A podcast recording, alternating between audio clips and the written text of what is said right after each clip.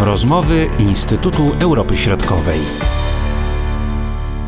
Przed mikrofonami Marcin Superczyński, witam. Estoński parlament wybrał nowego prezydenta. Będzie nim naukowiec i obecny dyrektor Muzeum Narodowego, 63-letni Alar Karis. Do tej pory nie zajmował się polityką, a jego kandydatura pojawiła się stosunkowo niedawno. Głosowało na niego 72 deputowanych w 101-osobowym parlamencie.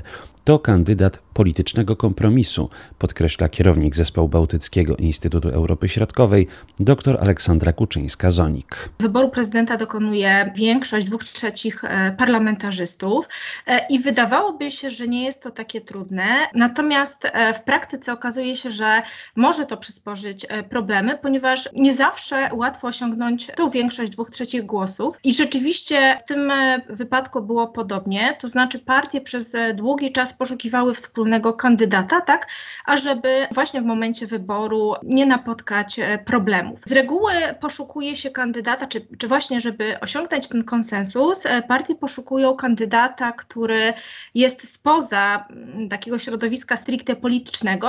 W związku z tym e, właśnie tym razem wybór padł na dyrektora Estońskiego Muzeum. Dotychczasowa pani prezydent, ona dalej chciała pełnić tę funkcję, z tego co się orientuje, ale nie uzyskała poparcia, mimo tego, że cieszy się w społeczeństwie estońskim dosyć wysokim właśnie poparciem.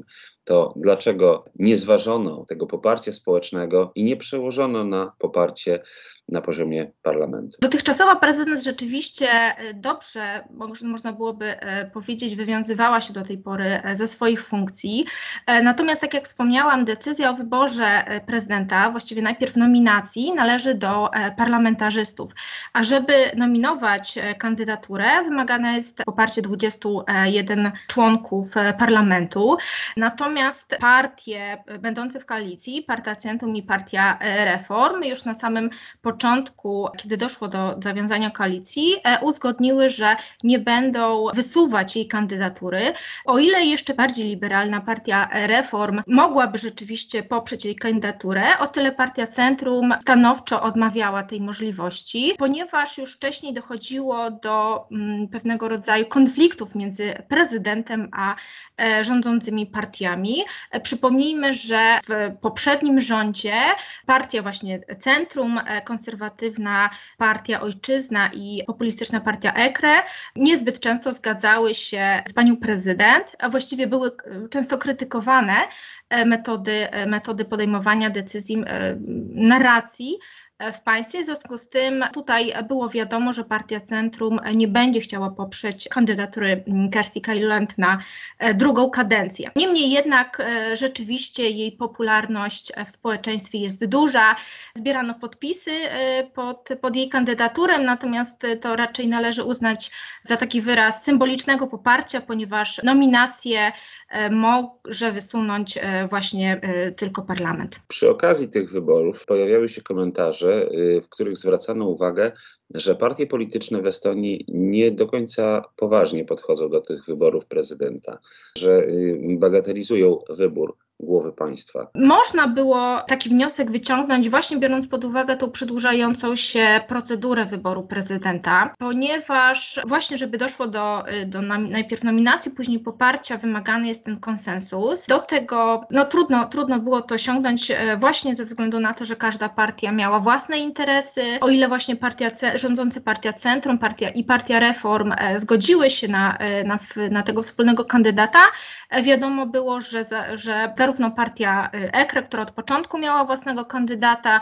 jak również partia socjaldemokratyczna i partia y, Ojczyzna nie za bardzo chcą e, te kandydatury poprzeć. Trzeba również pamiętać, że nie, nie wszystkie osoby proponowane na prezydenta zgadzały się, chciały przyjąć te obowiązki. W związku z tym właśnie w opinii e, publicznej mogłoby się wydawać, że partie nie za bardzo chcą tą wspólną e, decyzję podjąć.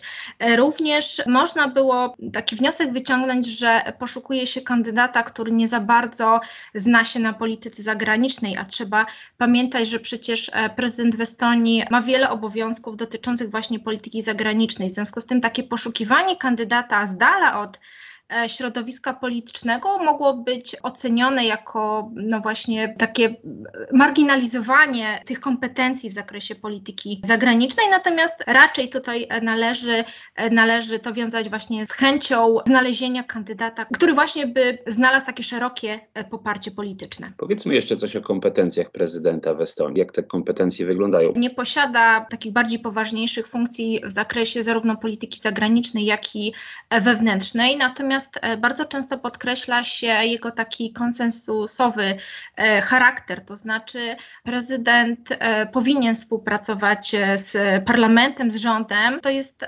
podstawowa zasada, jaką kierowali się ustawodawcy w latach 90., kiedy tworzona była konstytucja i te procedury wyboru prezydenta, taka, żeby właśnie ten konflikt między prezydentem a rządem nie doprowadził do no, takiego zahamowania procesu decyzyjnego. W związku z tym ta współpraca jest dosyć istotna. Natomiast w wymiarze zagranicznym mm, szereg właśnie takich kompetencji związanych z reprezentacją państwa e, przysługuje prezydentowi. To oczywiście nie oznacza, że właściwie Y, tutaj należy wspomnieć właśnie, że, że główne y, mimo wszystko decyzje zapadają w parlamencie, natomiast prezydent też ma y, możliwość swobodnych decyzji i należy tutaj przypomnieć no właśnie dotychczasową panią prezydent Kersti Kajland, która spotkała się z prezydentem Rosji, Władimirem Putinem, wbrew decyzjom e, niektórych parlamentarzystów, czy opinii niektórych parlamentarzystów i właściwie też spotkała się z takim niezrozumieniem społecznym. Natomiast e, w tamtym okresie wynikało to z chęci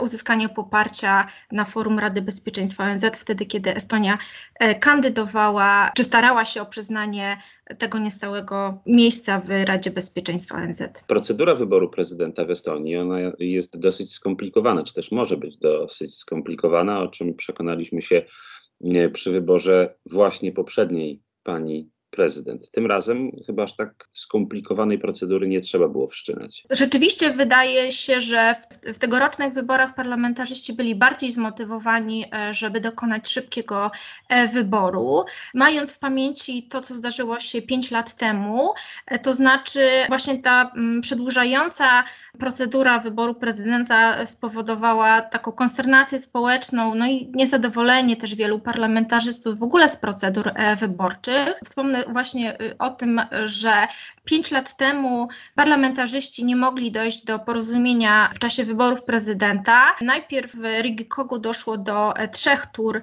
wyboru e, prezydenta, żaden z nich nie uzyskał wymaganej e, większości.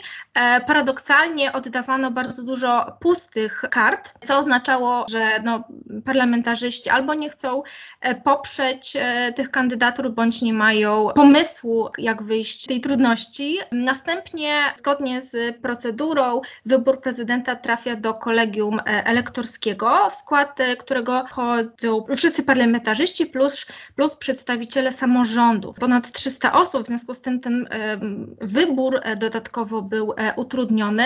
Tam też nie można było dojść do konsensusu, w związku z tym wybór prezydenta ponownie trafił do parlamentu.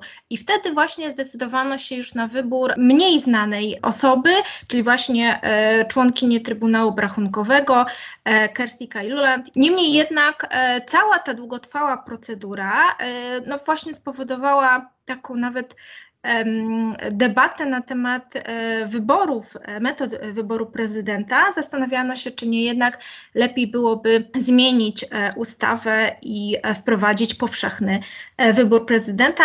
To oczywiście do tego nie doszło, niemniej jednak w tym wypadku, w tegorocznych wyborach parlamentarzyści zapewne mieli w pamięci tą sytuację sprzed pięciu lat, w związku z tym doszło jednak do, do w miarę szybkiej, szybkiego głosowania, szybkiej decyzji. Co możemy jeszcze powiedzieć o nowym prezydencie? Alar Karis. Jakim jest człowiekiem, jakim jest politykiem. Do tej pory jego doświadczenie polityczne jest e, niewielkie, niemniej jednak funkcje sprawowane był rektorem e, Uniwersytetu Przyrodniczego, Uniwersytetu w Tartu, był również audytorem generalnym, w związku z tym posiada takie kompetencje bardziej zarządzające, organizacyjne, aczkolwiek e, fakt, że zgodził się przyjąć na siebie te obowiązki i to, że jest chętny do e, współpracy z parlamentem, no należy należy właśnie widzieć jako tą, tą jego zaletę i taki otwartą wolę do współpracy. Mówiła doktor Aleksandra Kuczyńska-Zonik, Marcin Superczyński. Do usłyszenia.